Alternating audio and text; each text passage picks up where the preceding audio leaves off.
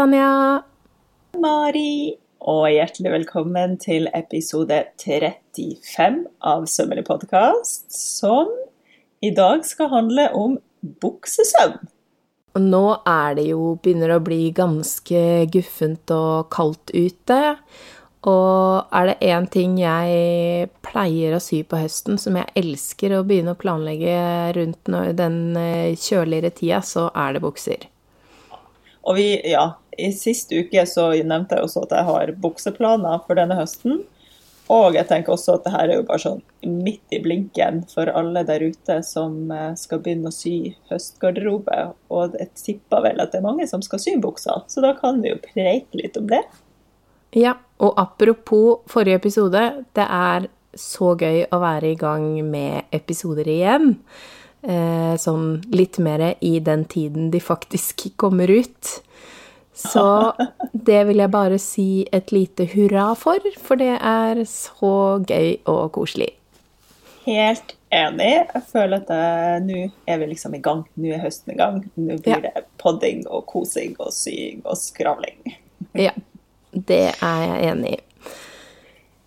All right. Skal vi starte med sånn, uh, vårt forhold til bukse? For jeg vet jo at det er veldig mange der ute som uh, har et anstrengt forhold til bukse. Mange som uh, sverger til, til, å gå i kjole og skjørt, koste hva det koste må. Men hva er ditt forhold til buksa, Mari?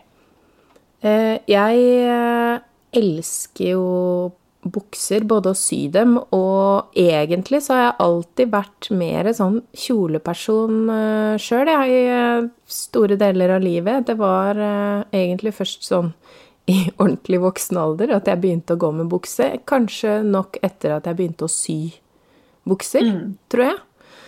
Eh, Oppdaga hvor morsomt det var før jeg begynte å gå med det. For jeg har liksom alltid vært sånn kjolejente. Eh, det handla nok kanskje litt om at jeg syntes det var vanskelig å finne bukser som passa, så det tror jeg nok gjelder for ganske mange. Eh, hva med deg? Du, jeg er nok absolutt en buksedame. Det må jeg innrømme. Og jeg vet ikke hvor det stammer fra, men jeg tror at det har liksom med Jeg er jo sånn generelt en litt sånn praktisk sjel.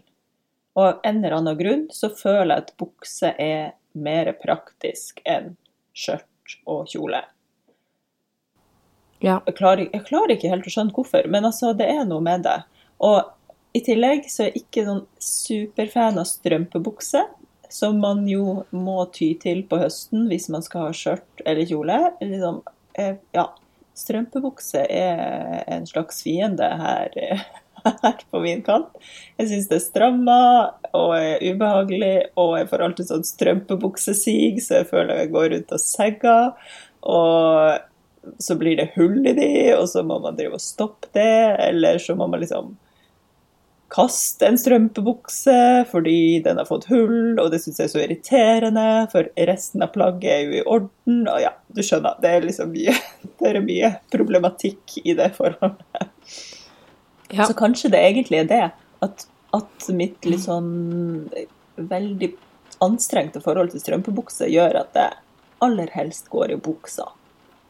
Ja, jeg eh, tror faktisk det er mye av grunnen til at jeg går mer og mer med bukse også, for jeg kjenner mer og mer at jeg blir irritert av å ha på meg strømpebukse.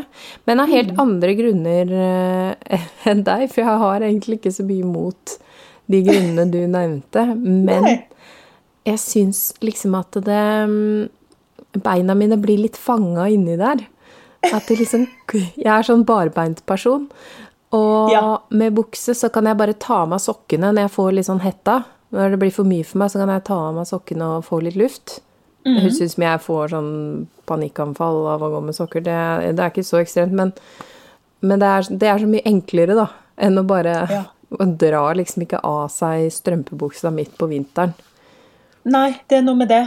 Fordi, for når jeg nå begynner å tenke litt over dette her, på sommeren så går det jo mest i kjole og skjørt. Men det er jo da fordi jeg ikke trenger å ha på meg strømpebukse. Mm. Mens på høst-vinter så er det altså bukse som gjelder. Ja. Jeg er, eh, jeg er, helt enig i det. Det er, veldig, det er litt mystisk, men um, Sånn er det rett og slett. Jeg håper jo på at jeg kanskje kan øh, komme litt over den strømpebuksegreia mi, for jeg liker jo egentlig godt å gå med kjole, men det jeg liker veldig godt med bukser, da, det er den derre Det som jeg kaller sånn engelsk arbeiderklassestil. Sånn øh, 30-40-talls. Eh, Da damer begynte litt å gå med bukser av nødvendighet. Eh, Ja. Den stilen med sånn eh, tweed og litt sånn eh, Kordfløyel passer i hvert fall veldig inn i den estetikken. Om de egentlig gikk med det da, det skal ikke jeg si så mye om. Og den, det er litt sånn romantisk eh, Det er et sånt romantisk bilde jeg har. Ah, Og da går man jo gjerne med litt sånne klassiske eksempel har man kanskje kjøpt et par herrebukser som man har tatt litt inn i livet, sånn at de går sånn eh, høyt opp og Kanskje man til og med har bukseseler. Det det er ikke så fint på meg fordi eh, jeg har pupper som Ja, det, blir, det ser veldig rart ut med bukseseler, men eh, i hvert fall hele den derre er en sånn nostalgisk greie, da. Med de buksene, som jeg liker. Men den, den type snitt er jo veldig eh, flatterende, syns jeg òg, på de fleste. Fordi det er såpass mye rom øverst, og så kan man jo ta det litt, litt sånn inn sånn sigarettbuksestemning nederst. Ja. Eller er helt vide helt ned er også veldig fint, Ja. syns jeg. Begge deler. Ja. Nei, men kult. Mm. Det, den stilen er jeg også veldig glad i. Ja. Og den kan man jo sy. Det, jo ikke, det har vært litt sånn poppis med den type buksa nå i det siste, faktisk. Har kommet litt igjen inn i motebildet og i butikker og sånn. Mm. Eh, Men det beste er jo å sy buksa sine sjæl, for da vet man at de kommer til å passe. Uansett hvilken type bukse man syr. Ja, og når, når du sier da vet man at de kommer til å passe, da vil jeg bare presisere at uh, hvis du skal sy din aller første bukse, så uh, kan det hende at du vil sy en prøvemodell før du syr i det ullstoffet, sånn at du kan forsikre at den passer. Um, nå har jo du Du har buksekurs denne uka, stemmer det? Du, har, eh, Det buksekurset jeg har, går over flere uker, faktisk. Oh, er ja. sånn En kveld i uka over seks uker. Så det Mm. er seks hyggelige sømkvelder. Og vi, det vi gjør, er at vi lager nettopp en grunnform i lerret. Mm. Så ut ifra den kan man jo da videre sy alskens eh, mulige bukser. Men eh, vi eh, modellerer, eller delvis konstruere, eller jeg vil ikke si at det er konstruksjon. Jeg har jo en sånn her, jeg er mest glad i modellering. Så vi eh, setter an en slags konstruksjon. Sånn en metode som jeg eh, som funker godt, syns jeg da. Og så klipper vi ut de lerretsbitene, og så modellerer man med liksom det man har tegna som utgangspunkt. Eh, men jeg er ja, 99,9 eh, tro mot det at man får en penere bukse av å modellere. Fordi Eller altså, selvfølgelig, er man sykt god i mønsterkonstruksjon, så klarer man sikkert å ta høyde for alt flatt. Men jeg tenker at med bukse så er det såpass mange ting at man må ta høyde for, og såpass mange greier. Og sånn som jeg sa på det kurset her nylig, det er jo liksom trikset, eller det som er vanskelig, er jo at det går fra én pølse, altså livet og hoftene og, og det, ut i to pølser, så to bein. Og akkurat den overgangen, som er skrittet fra én pølse til to pølser, den kan jo være litt mystisk. Ja. Så da å få bare sett det direkte på kroppen er gull verdt. Å få modellert rundt eh, der. Mm. Ja, det er jo et poeng. Jeg har aldri sett på det sånn før, som eh, en pølse som går over i to pølser. Det kan du tenke litt på. Men eh, ja. Men jeg er jo absolutt enig i at det er jo hele skritt, eh, rumpe, korsrygg for mange problematikken som må Det er jo det å få eh, den riktige scoopen, som det så fint kalles, i, inn i skrittet og rundt rumpa. Man må liksom Ja. ha Ikke ha for mye plass og ikke for lite plass. Bare akkurat gå i den vinkelen som man trenger. Nettopp. Og når man da liksom i tillegg får dette med ekstra volum på toppen av det hele, altså kanskje har man litt mage, og kanskje har man litt hofter, og og Hvor er volumet på rumpa? Er det liksom en rumpe som står veldig ut overalt, eller er den flat, og så får man liksom rumpa nederst inn mot låret? Så mange artige ting å ta tak i. Eh, når man skal jobbe med bukser og modellere. Da. Så det, jeg koser meg glugg i hjel på det her kurset, da. Ja. Og det fine med modellering er jo at du trenger ikke å forstå hvordan det skal se ut på mønsteret, fordi du bare eh, ser Å, her var det litt mye. Hvis jeg bare klipper bort en skrelle liksom av en liten flis her, så blir den perfekt. Mm. Eh, det er ikke så lett å gjette seg til på mønsteret. Nei, i hvert fall ikke når man har erfaring med mønsterkonstruksjon. Eh, altså det, det, ultimate og det beste er jo selvfølgelig at man har liksom én fot innenfor begge, for da ser man veldig lett flatt hva som må til. Og så klarer man å modellere veldig enkelt. Og når man skal ta det over fra modellert lerret og ned igjen på flatt papir, så er det også veldig enkelt å se hva slags grep som er blitt tatt, og hvorfor, og at de er riktige eller feil. Um, men jeg tenker også at modellering er så fint for uh, nybegynnere, egentlig. For man ser ja. det. Altså, det står, rett, ja. det står en person rett foran deg, og du ser med en gang at nei, sånn skal ikke en bukse se ut. Hva mm. må jeg gjøre for å løse dette, denne knipa her? Og for det meste så er det egentlig ganske enkelt å løse, hvis man bare tenker og resonnerer og ja, får veiledning. Ja. Jeg er helt enig. Eh, jeg også begynte jo med modellering og gikk over på mønsterkonstruksjon. Eh, så jeg, ja, jeg er enig med det. Ja. Mm. Kult, kult.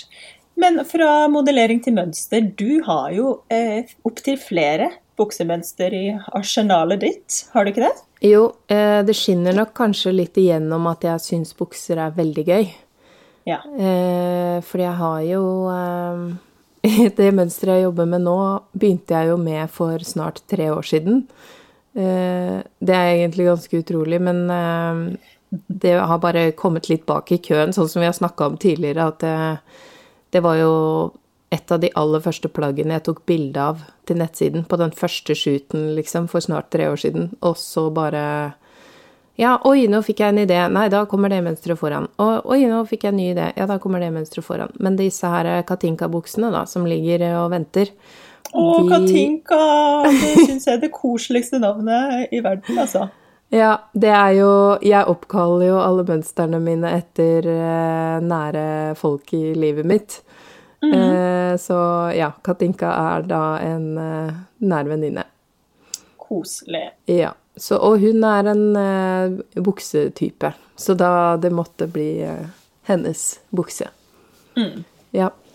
Uh, nei, og det er jo litt gøy, fordi det du nevnte i stad, at sånne bukser med litt volum oppe som går litt innover nede, at det var i vinden. Og det er jo Disse buksene her ser jo sånn ut. Ikke sant? Du må bare få pressa ut det mønsteret fort som bare pokker. Ja.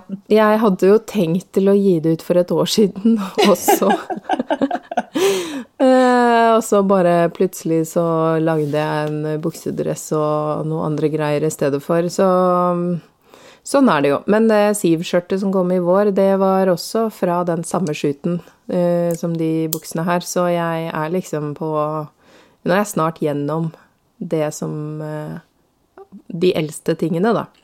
Ja. Eh, så jeg skal bare Det er de illustrasjonene som jeg må presse meg til å få tegna.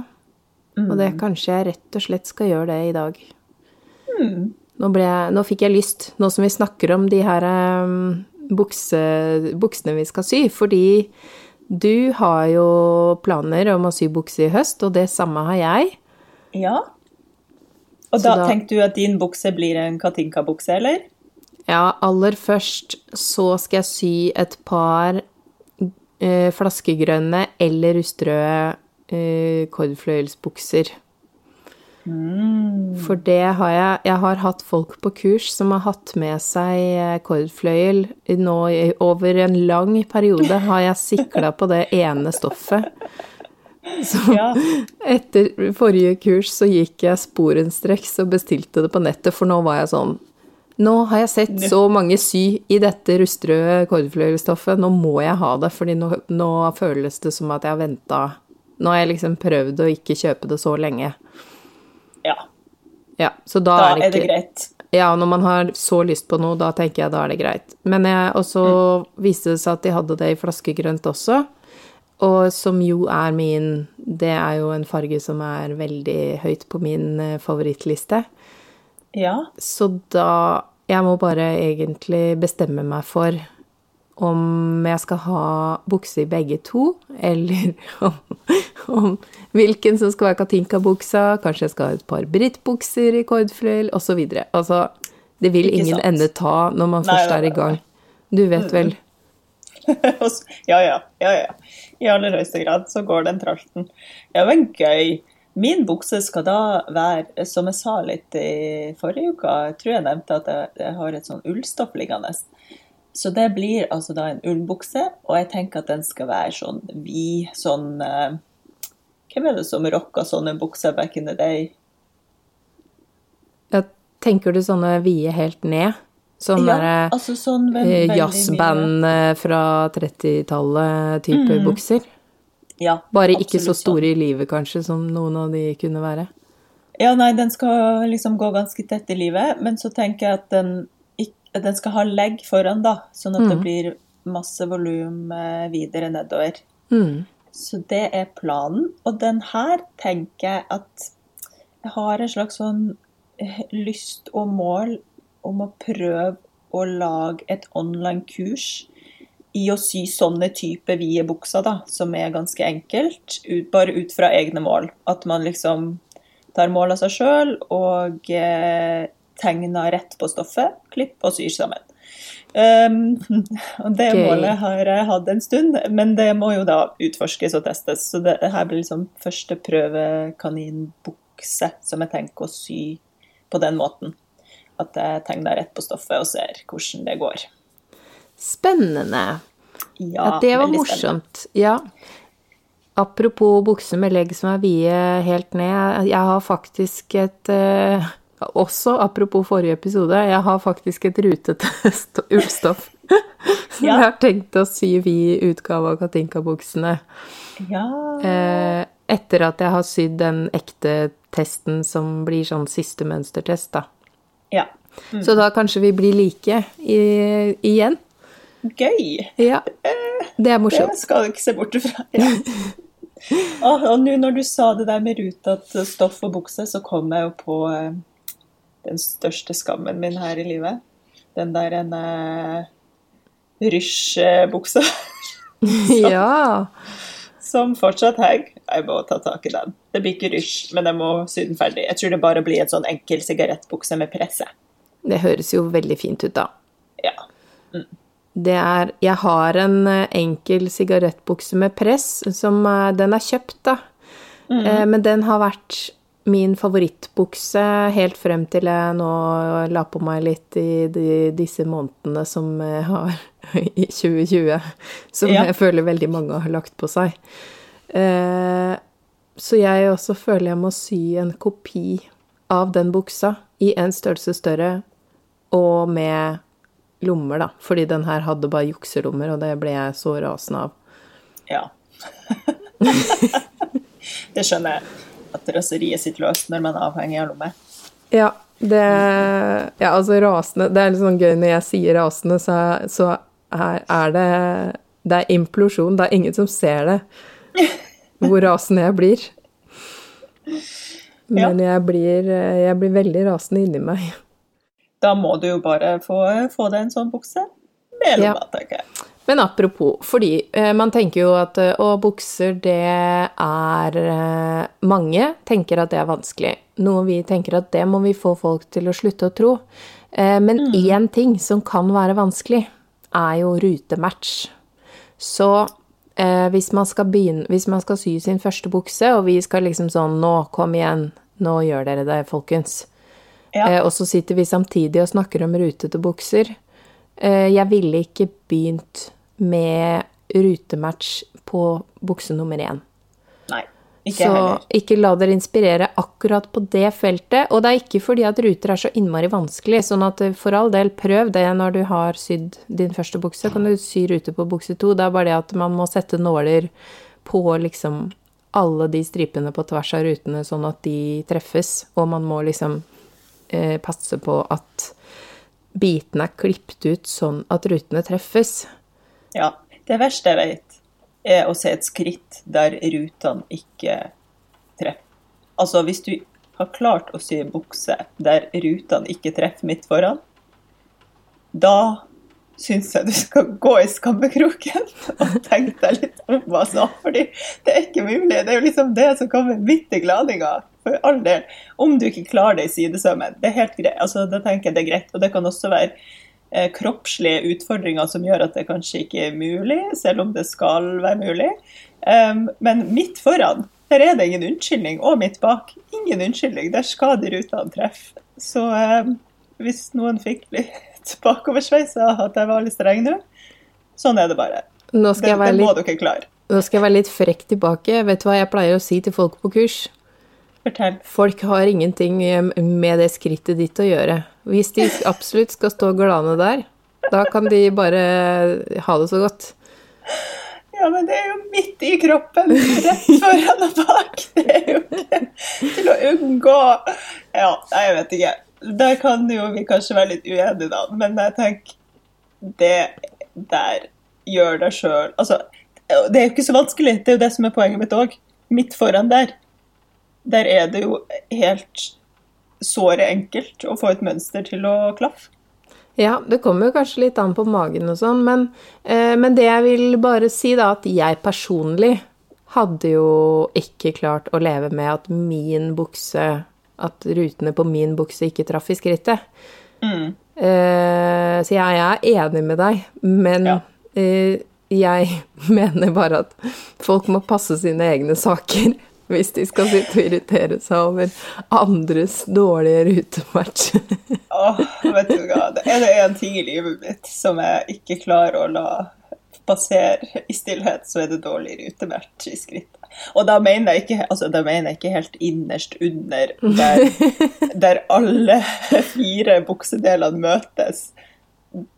Det er greit. Du mener egentlig mage, magepartiet? Ja.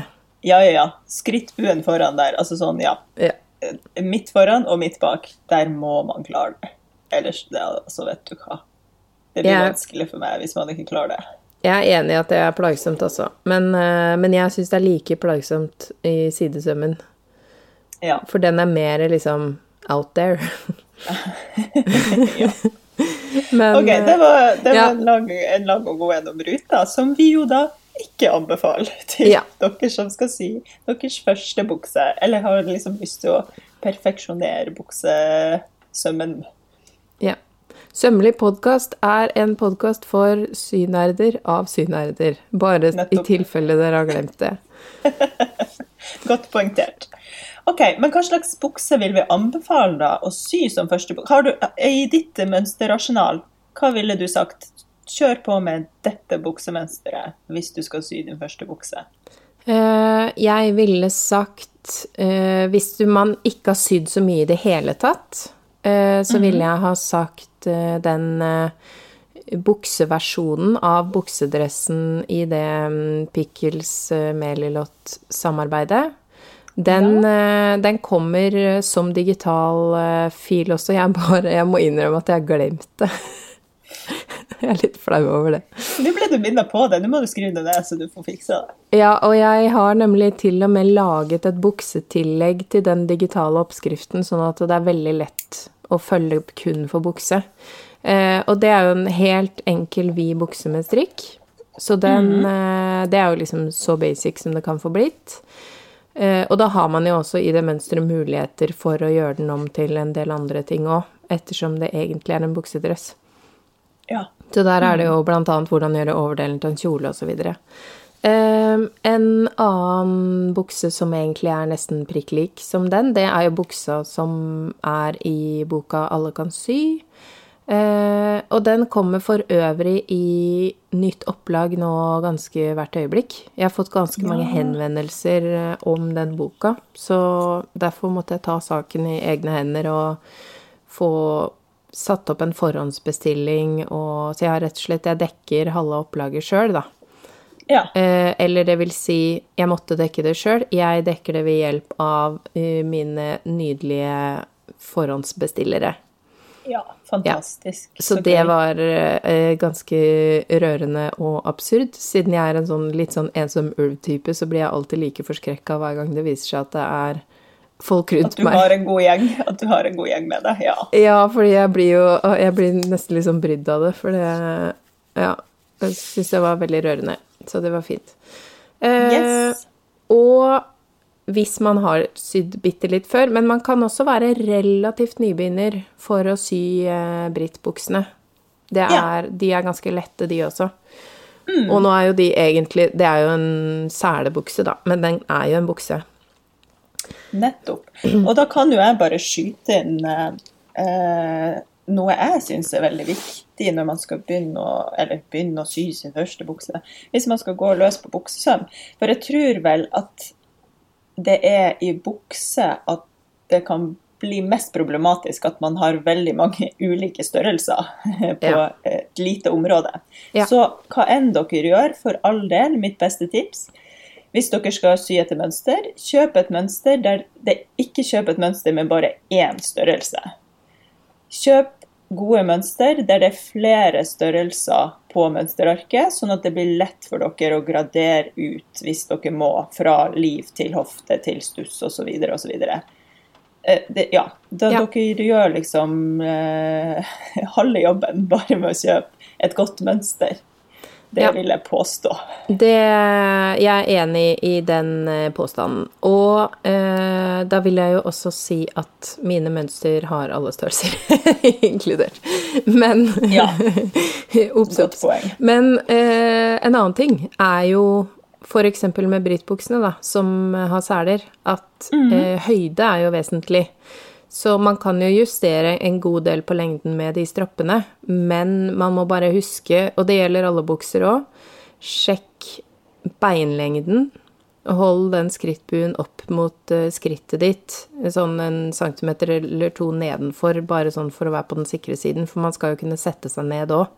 Eh, og se om du må legge til på beina, eller om du kanskje trenger å legge til på overkroppen. Fordi om det er en heldress eller bukse, selebukse, så er det jo ikke sikkert Om man er høy, så er det jo ikke sikkert det er beinlengden man skal legge til på. Det kan hende man skal klippe litt på tvers der hvor det er en sånn forkorte og forlengelinje, og legge inn eh, eh, 2-3-4-5 centimeter, avhengig av hvor høy man er, der også. Til overkroppen. Ja. eller forkorte. Eller bare gjøre selene kjempelange, da, men da vil man jo risikere å få liksom den kanten på litt feil sted på kroppen. Ja. Men da er det best å holde mønsteret opp mot kroppen, syns jeg, da, for å få den lengden. Og det der, det der gjelder spesielt for buksedress og selebukse, for det er kjipt å få liksom den langt opp i heimen når den er på skuldrene. Ja. Men også på vanlig bukse. Ikke kims av å sjekke den eh, eh, avstanden på en måte fra skrittbuen og opp til der dere vil ha buksa opp i livet. Nei. Fordi vi er alle forskjellige. Mm. Altså fra liv og ned til der skrittet slutter. Noen har et langt bekken, andre har et kort bekken. Og det er kjipt både å få for mye stoff, eh, så det blir en slags liten, en liten sånn kengurupose foran eller bak. Og også, eller at man begynner å segge da veldig, for den skrittbuen henger langt ned på låra. Eller at eh, man føler at den er for kort i eh, livet, og at man liksom, når man setter seg, så sklir den altfor langt ned over rumpa. Ja, det er kanskje det folk syns er mest irriterende. Og da vil jeg også påpeke at den endringen som jeg tror er vanligst, er å måtte legge på bitte litt uh, midt bak. Og Ja. det er det faktisk bare å gjøre hvis man vet at bukser som regel siger litt ned bak. Jeg har prøvd i sånn som Hui-buksene mine, som også er sånn Hvis du har sydd litt før, så er den veldig fin, for den har også strikk i livet, da. Eh, men, men der har jeg med vilje lagt på litt ekstra i ryggen, nettopp fordi jeg vet at mange har det problemet. Da vil den jo kanskje være for høy for noen, da, men det er jo lettere å ta av enn å, enn å måtte legge på i etterkant. Ja. Eh, men, eh, men da er det faktisk bare å dra den linja midt bak på mønsteret litt grann videre opp, og så legge på på høyden. Så mye som du opplever at buksa siger for langt ned.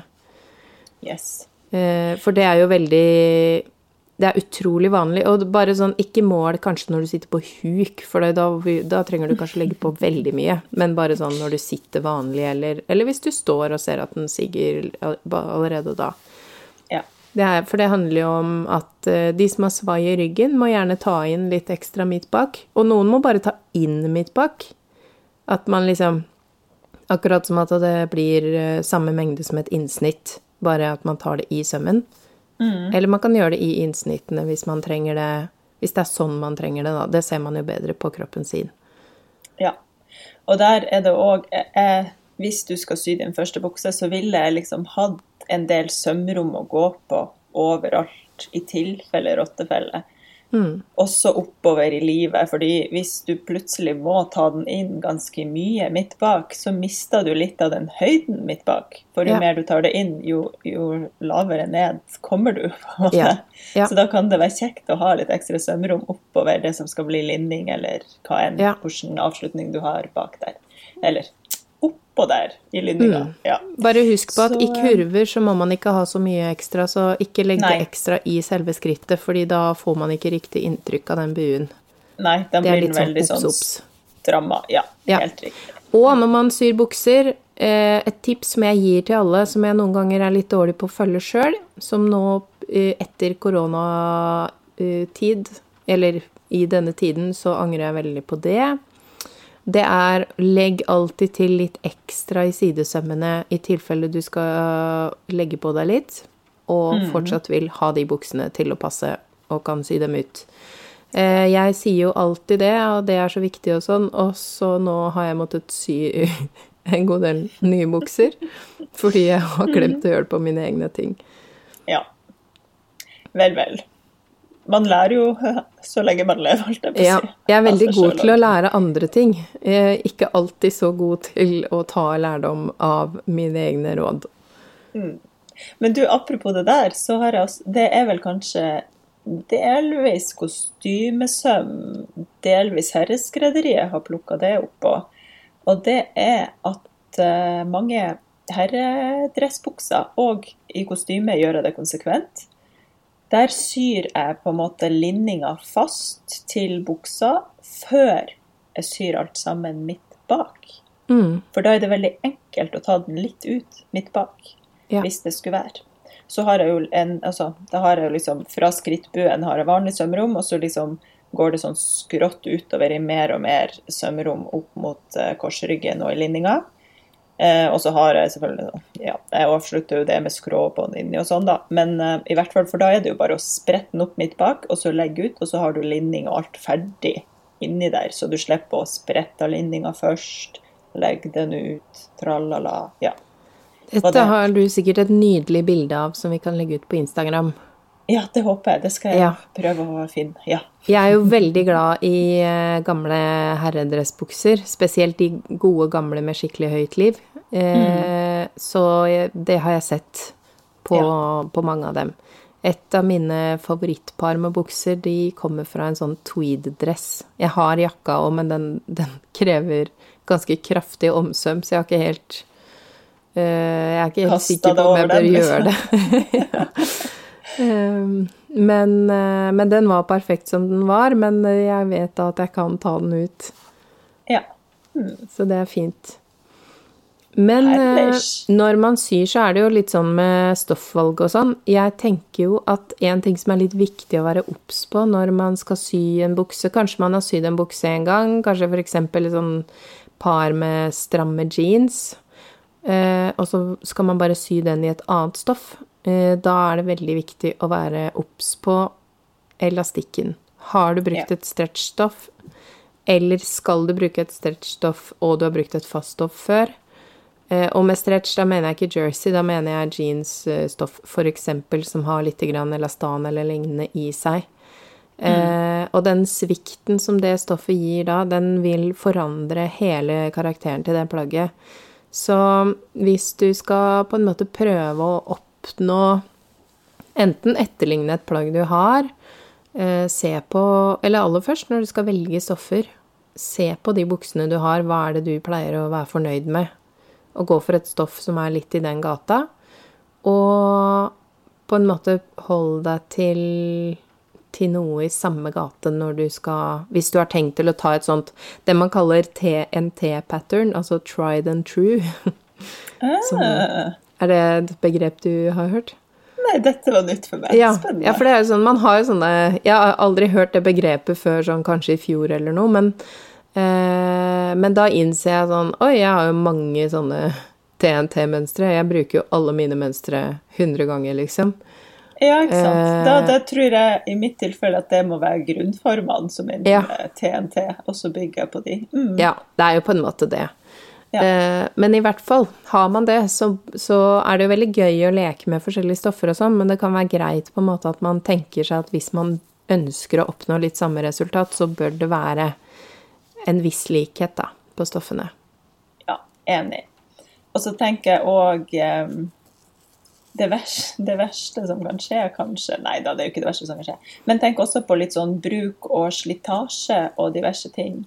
Eh, altså, man sitter jo i buksa og sliter i sånn, og man sitter på huk, og skal det være en hverdagsbukse, så kan det jo fort bli knær i de hvis de er trang, og vil man det, og vel kanskje stoff med tanke på det også, og snitt med tanke på det.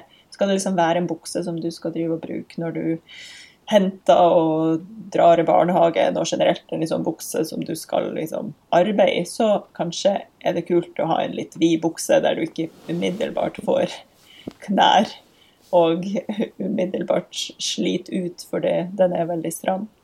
Men eh, da lurer jeg på, Tanja, har du noen gode Ja. råd for å unngå å få klær, knær? Klær? Fordi jeg får, jeg får eh, knær i alle plagg, jeg. Uansett hvor vide de buksene er, eller hva. Eh, og det handler jo litt om eh, Alle som har sett meg sitte, skjønner nok det, fordi jeg klarer ikke å Jeg sitter ikke vanlig. Jeg sitter alltid med beina oppunder og knær i alle kanter. Eh, da blir det jo en sånn ekstrem tøying av stoffet til enhver tid.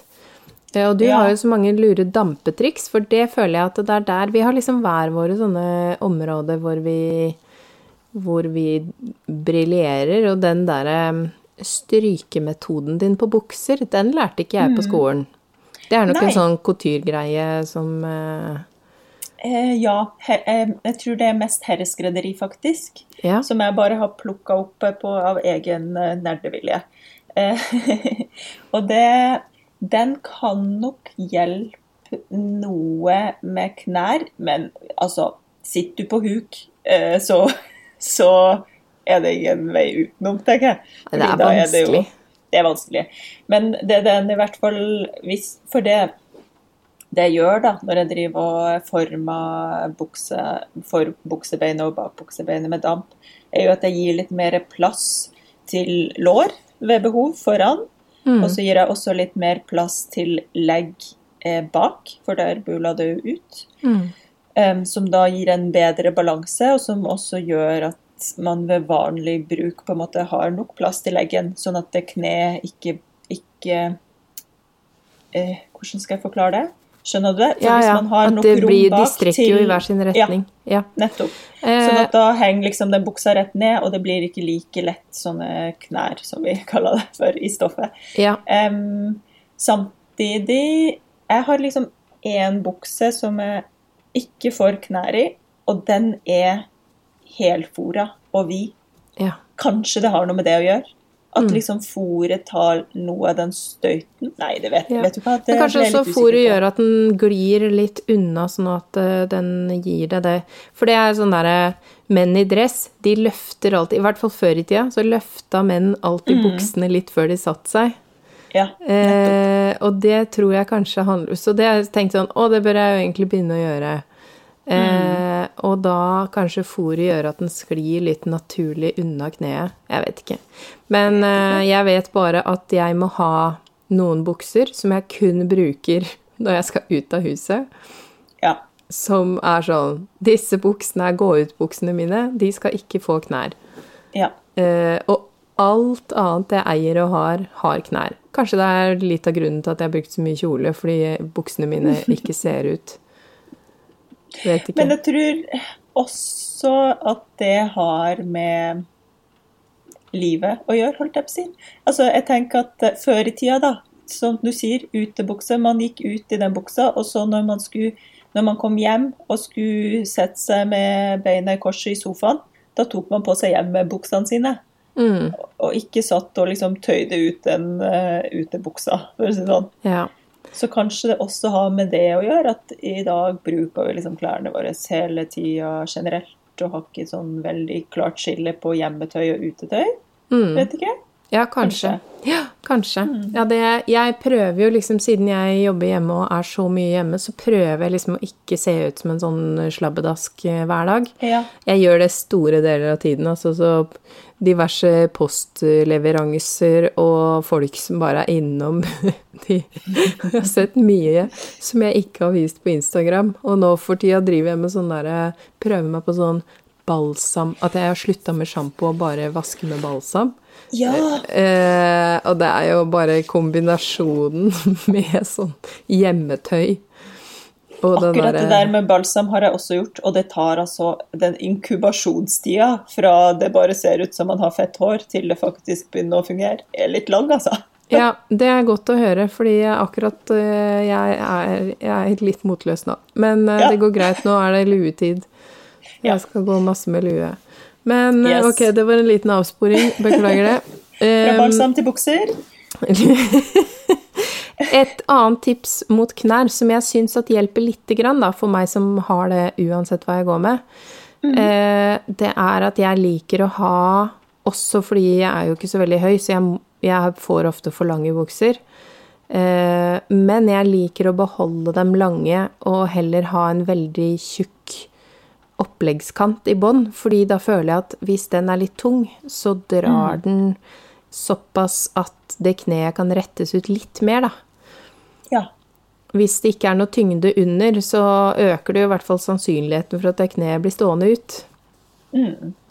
Så jeg liker å ha brei eh, oppleggskant, pluss ikke på sånne, ikke på sånne som går inn nederst, da, men eh, på vide bukser. Brei oppleggskant, og så har jeg gjerne en ekstra brett i tillegg, fordi jeg syns det er fint. Ja.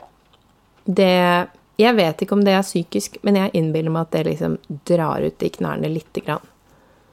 Det kan nok godt hende. Og nå kjenner jeg at nå når vi har prata såpass mye om knær, så kommer jeg til å bli veldig obs på det, og se etter det både hos meg sjøl og hos alle rundt meg, for å se hva er det, ja, hvor vanlig er det, og eh, For det er kanskje en sånn ting som alle egentlig har, men at ingen tenker over det. Ja, jeg har litt oppheng på knær ettersom jeg har problemer med det sjøl. Ja. Eh, men eh, da får jeg bare sørge for å gå med gå-ut-bukser når jeg er ute blant folk. ja. Og en ting som jeg kom på som jeg ikke har nevnt engang, det er jo at jeg har faktisk et par bukser til jeg, som snart kommer ut, som jeg har glemt å gi ut. Ja. Eh, for de lagde jeg eh, i korona, fordi jeg måtte jo ha bukser med strikk. Og egentlig var det en uh, bukse som var ment til barn, som også ble tatt bilde av for uh, Det er vel et år siden, faktisk. Så barnemønsteret har vært klart kjempelenge. Men så var det så mange av testerne som spurte om det skulle komme til voksen. Og så tenkte jeg ja, det er faktisk et poeng, og da bør jeg gi ut voksenmønsteret først, og så barnemønsteret, fordi da kan barnemønsteret hete det navnet pluss Mini. sånn som Britt Mini og Britt. ja. Ehm, og det er en fin nybegynnerbukse, så det hadde jeg helt glemt. Stay tuned. Stay tuned. Bra, Ja. bra, bra. Ja. Artig. Den har også en morsom lomme, sånn apropos lommepraten vi har hatt. Ja, men du, ja, apropos morsomme ting på buksa, skal vi, skal vi ta en liten sånn gjennomgang av, eh, av detaljer man Ja. kan ha på en bukse? Ja. Som en sånn liten eh, oppsummering, nærmest, Ja. kanskje? Nei. Ja. Jo, det syns jeg var lurt. Og da vil jeg bare aller først eh, påpeke at eh, når det gjelder lommer og sånt, så henviser vi bare til lommeepisoden, fordi vi trenger ikke å ramse opp alle lommene igjen. Yes. Syns du det? ja, jeg syns det var en god, god plan. Ja. Vi har ikke noe problemer med å fylle denne episoden uansett. Nei da. Ja, men OK. Så det første jeg tenker på da, er jo hvis man ikke har strikk, men eh, eh, glidelås og linning, hvor liker du å ha glidelåsen? Er det liksom eh, side? Er det gylf? Er du en, er snasen dame som har glidelås midt bak? Jeg er eh, veldig sånn buksesmekk-typen, jeg. Ja, du tar God smekken. gammel buksesmekk. Eller gylf, da. Ja, og det der, dette har jeg også. Jeg har nettopp hatt sånn minikurs i å sy eh, det jeg kaller gylf, men som jeg også har skjønt at veldig mange undres over om er riktig, om det egentlig er gylf. Jeg trodde det var sånn dialektgreie, at man sa Ja, det var det. Det var det jeg også sa. Ja. Ja. For jeg føler meg jo som en sånn vestkantdame hvis jeg sier gylf. Eh, Så jeg føler liksom at oppe i nord, der sier vi bare gylf. Sånn er det bare. Ja. Det jeg tror ikke så mange i mitt liv har sagt det ordet til meg, så jeg har Nei. bare alltid sagt gylf. Ja, ja For det er- der, eh, sånn det skrives. Ja. Jeg vet ikke om jeg har noe fasit, men kanskje noen andre der ute som er veldig språkkyndige, vet er det gylf, Ja. er det gylf? Og er du usikker, kan du jo alltids bare si buksesmekk. Ja, jeg er buksesmekk-typen. Ja. Ja. OK, så du er den typen. Ja, ja. Ja. Med glidelås, da. Men jeg syns det er veldig pent med sånn knappebuksesmekk. Jeg bare Ja. øh, syns noen ganger det kan bli litt sånn stress hvis man må veldig på do eller noe sånt. Ikke sant? Ja. Og der har man jo mulighet med sånn knappesmekk, så kan man jo både skjule de knappene, eller vis de frem. At det blir liksom en detalj i buksa, da, som også er veldig snasent. Ja, hvis den skal være synlig, så er det jo veldig fint å ha den i siden som en sånn der, eh, litt sånn gammeldags eh, seilerbukse, som jeg kaller det. Ja. Mm. Det er kult. Det har du også i en av bøkene dine, har du ikke det? Jo, jeg følger med veldig mye reklame. Nei, jeg bare tenkte sånn Jøss, det har jeg sett før. Og Ja. det må ha vært i boka di. Mm, Det har jeg i syboka. Gøy. Ja, jeg vet Altså personlig så um, har jeg ikke noe sånn veldig Jeg har buksa både med smekk foran og glidelås i sida, og faktisk glidelås bak. Skjult glidelås bak. Um, men jeg vet at noen syns, spesielt hvis man har en del hofter, at det kan være litt ubehagelig og irriterende å ha den glidelåsen i sida. For den stiver jo litt av, og i tillegg kan bygge litt ut mer enn man kanskje har lyst til. Så Ja. det er jo noe å være obs på. Eh, hvor plasserer du den glidelåsen i forhold til kroppsfasongen din? Og hvis man ikke nailer den eh, overgangen glidelås og sidesøm, så er det jo litt sånn sårbart å ha glidelåsen plassert i en kurve hvis man sliter med å få det pent. Ja. Det syns jo veldig godt. Noe å tenke på der, altså. Ja. Men det er jo Jeg liker veldig godt den hvis jeg bare skal ha en sånn kjipp-kjapp, enkel bukse uten noe ekstra greier, så syns jeg det er fint i siden. Veldig sånn rent og klassisk hvis det er en, eh, en bukse med veldig få detaljer. En sånn Ja. litt sånn klassisk eh, gammeldags eh, sigarettbukse, eksempel. Men det er jo ofte Det blir jo ofte litt sånn komplisert med lomme og glidelås i siden. Det kan, altså jeg, jeg har ikke noe problem med å gjøre det, men jeg vet at mange da dropper lomme hvis de skal ha glidelås i siden. Ja, ikke sant. Og det er det jo i utgangspunktet ingen grunn til, uh, egentlig, dere. Så det, det er bare litt Man må bare skjønne logikken, så, så går det der kjempegodt. Men jeg kan jo skjønne at noen kvier seg litt for det. Og da tror jeg kanskje mitt beste anbefaling er i stedet for å ta sånn lomme i søm, at man har en lomme med lommeskilt.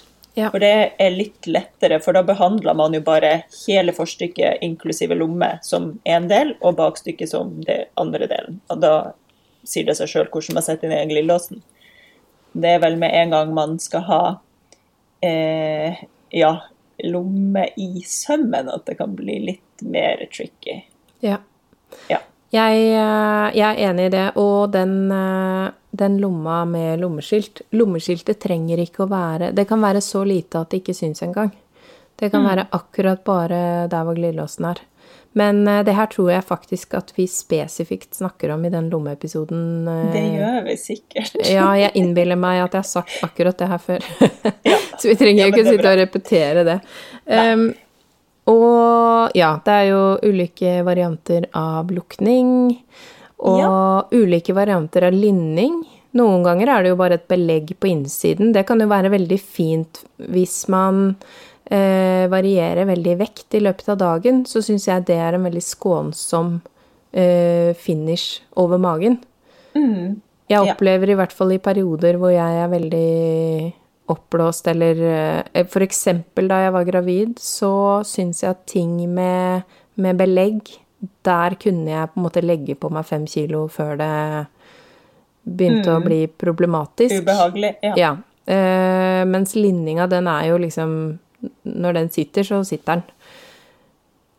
Ja, Mer eller mindre, da. Det er også eh, absolutt noe å tenke på. Og faktisk, eh, det her lærte jeg da jeg var lærling hos Tine. At i stedet for å ha linning, så pleide vi ofte å ta en eh, rullå øverst. Mm. For det er Da slipper du det belegget også, og du slipper linning. Og den rullåen, fordi den er skråklipt og sydd på, så jobber den litt mer med kroppen enn at den eh, stiver av og jobber mot, på en måte. Ja. Så det kan jo være noe noen kanskje har lyst til å teste. Hvis rullå høres litt komplisert ut, så kan man jo også bruke skråbånd, da. Ja, det er jo egentlig er en fancy, fancy måte å sy skråbånd på, som Ja. gjør det litt sånn tjukkere. Ja. Ja. Um, men én ting da, som jeg lurte på om du har vært borti Jo, én ting med linning, da. Hvis man vil ha linning for å få det litt stramme uttrykket, men vil at den skal være fleksibel, så kan man selvfølgelig ha eh, f.eks. akkurat midt bak i ryggen legge inn strikk i linningen. Ja. Eh, da må man bare ha litt ekstra slack i buksa også, i livet. Eh, sånn et, som et lite apropos. Em, men så lurer jeg på, har du noen gang laget en sånn linning som har justering eh, for størrelse? Altså enten midt foran eller midt bak. Sånn type at det ligger et lite sånn skilt på en måte på baksiden, og så er det noe som minner litt om en slags splitt. Og så er det en knappejustering. Skjønner du hva jeg mener da? Som Ja. en sånn liten kile som, som man kan justere. Jeg skjønner hva du mener. Jeg har aldri sydd eh, sånne sjøl, men det er jo ganske vanlig i bunad, så vidt jeg vet. Ja. Det her tenker jeg, nå som jeg har sagt høyt, det har jeg superlyst til å prøve å gjøre på en eller annen måte. Kanskje jeg kan komme ut med en uh, instruksjon på det på et eller annet tidspunkt. Kult. Eh, som dere vet, så er jo ofte tidsforløpet mitt litt langt, så ikke forvent at det skjer liksom i høst. Nei.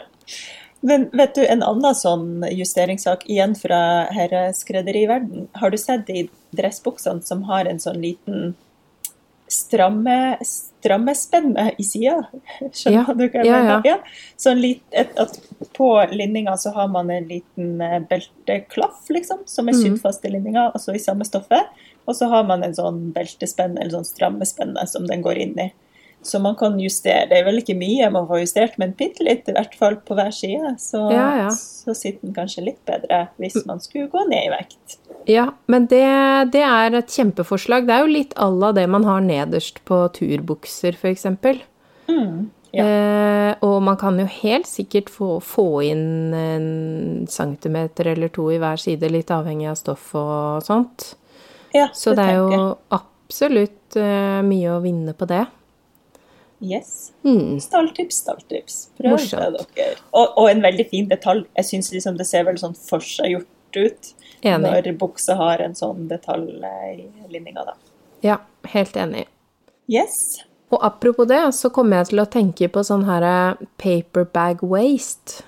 Eh, Ja. At man kan jo også ha en bukse med litt sånn slingringsmonn, sånn at man bare kan stramme det beltet litt ekstra. Mm. Og paper bag waste, det er sånn Det er et sånt uh, En kant som går liksom videre opp fra midjen, som på en måte krøller seg litt sånn uh, langs kanten. Var det en grei forklaring? At den ser Ja. litt sånn løs og ledig ut, og så er det gjerne et belte. Da har man kanskje en strikk også lenger ned der, eller en linning, da. Veldig ofte er det jo en linning, og så er det bare sydd på en sånn rynkekant over, men det kan man jo bestemme sjøl. Men den kan jo i prinsippet bare være en type lukning. Jeg tok på et, eh, en oppskrift eh, som var vanlig bukse med strikk en gang, og så bare bretta jeg ned hele kanten øverst og sydde masse knappehull langs hele kanten, og så tredde jeg et vanlig skinnbelte inni der, og så var det hele i stedet for Ja. strikk.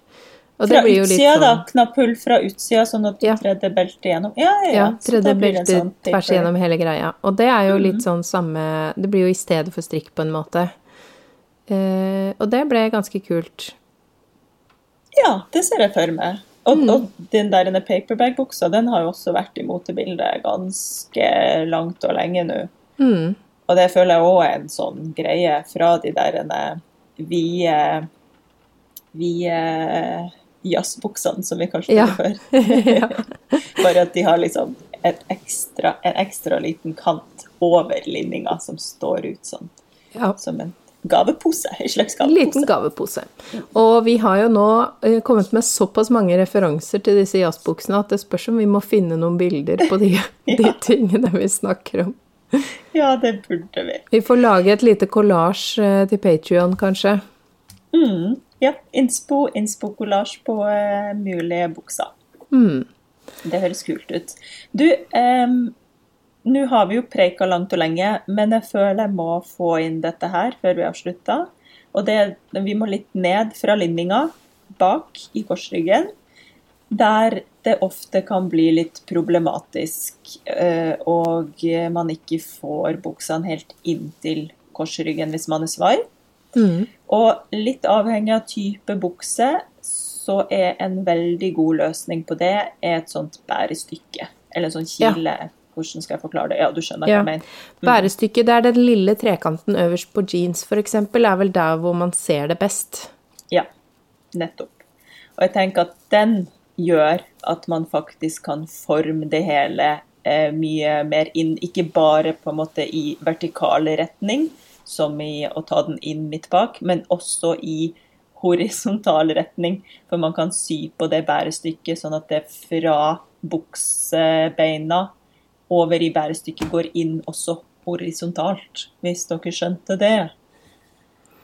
Jeg forsto det, men jeg er litt usikker på om lytterne forsto det. Ja.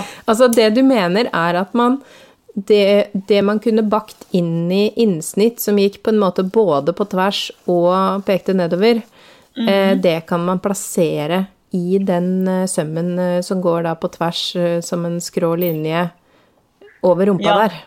Absolutt. Ja. Og den går den på en måte Ja, altså, og da går den, den Hvis man ser for seg den overgangen da fra eh, volum i rumpa og så innover i korsryggen, hvis man ser det for seg fra sida, så går det jo på en måte Altså, da går det horisontalt innover, ikke nødvendigvis vertikalt. Herregud, det var vanskelig å forklare. Men i hvert fall, det bærestykket er your best friend hvis du er veldig svak i ryggen og aldri får de buksene til å sitte ordentlig der.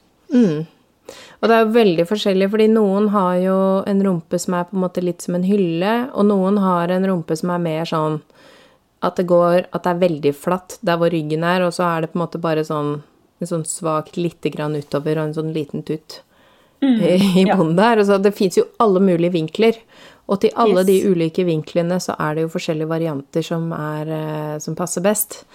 Eh, og én ting som jeg har erfaring med at jeg syns fungerer veldig godt for eh, rumper der hvor det er veldig mye forskjell på der hvor det går inn og ut, eh, det er rett og slett å legge inn en ekstra søm eh, over bakstykket. At man deler bakstykket i to, rett og slett. Ja. og så legger inn en eh, Hvis man ser for seg på en kjole, da, det man har som panelsøm som går liksom midt over puppen og går inn og ut, videre nedover. Tilsvarende bare over rumpa. Yes. For da kan man forme den ordentlig inn i ryggen. Eh, God bue over rumpa, og så ordentlig inn igjen under rumpa hvis man vil ha en trang bukse, da. Fordi det er det derre eh, rommet også, rett under rumpa og over i låret, kan være ganske vanskelig å få til å sitte pent. Absolutt. Og så hvis det sitter skikkelig når man står, så kanskje man ikke klarer å sitte. Så det der er jo en liten sånn eh, Det er litt magi som ligger inni akkurat det der. Trange bukser er vanskelig, spesielt hvis man ikke har et veldig Har man et veldig takknemlig stretchstoff, så hjelper jo det masse. Men eh, for å forstå formen, da, så syns jeg at sånne mm, panelsømmer gjør susen. Både foran og bak. Ja. Det kommer egentlig an på hvor utfordringen ligger. Enig. Mm. Enig, enig. Ja, men du, godt. Ja. Er det noe mer vi har lyst til å si før vi avrunder? Altså, bukse, det er jo også, som alt annet, et veldig stort tema. Eh, Så nå har vi jo bare skrapa så vidt borti det, egentlig. Men eh, forhåpentligvis så har vi gjort at det er, føles litt mer avskrekkende. Eh, hvis man skal starte med å sy en bukse med strikk, så ville jeg f.eks. ha gjort det i lin. Eh, for det er takknemlig som er digg både på vinteren og på sommeren. Hva mener du om det? Har du noe sånn tips i den gata? Veldig fan av ullbukser, spesielt nå når det begynner å bli høst. For ull er også veldig takknemlig, og det former seg godt etter kroppen. Og det har også en del av den Eller mange ullkvaliteter har jo den tyngden og det fallet som kan være veldig pent i bukse. Ja. Så jeg tror jeg holder en knapp på ullbroki.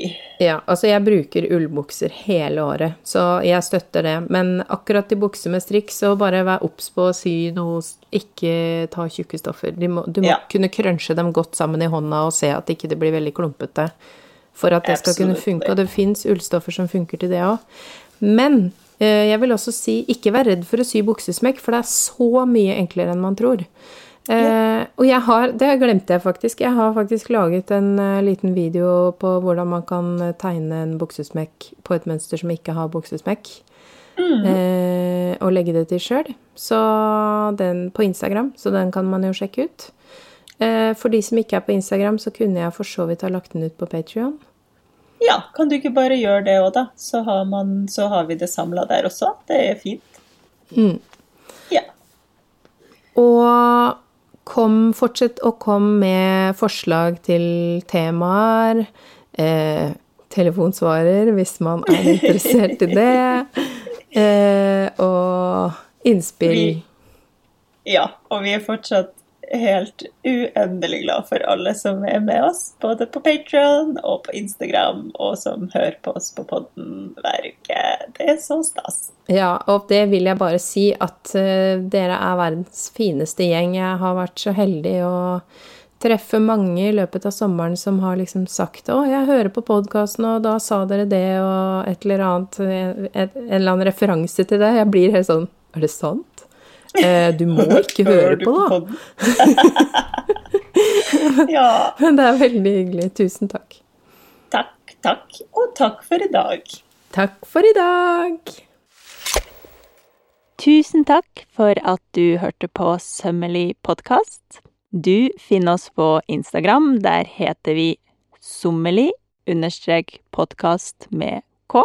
Og ellers kan du kontakte oss på e-post, og da sender du den til sommelig punktum podkast med k at gmail.com. Tusen takk til Andreas Prestmo i Wilthagen Studios, som klipper og limer og sørger for at vi har god lyd. Og tusen takk til Synnøve Obrid, som lager den fine musikken vi hører.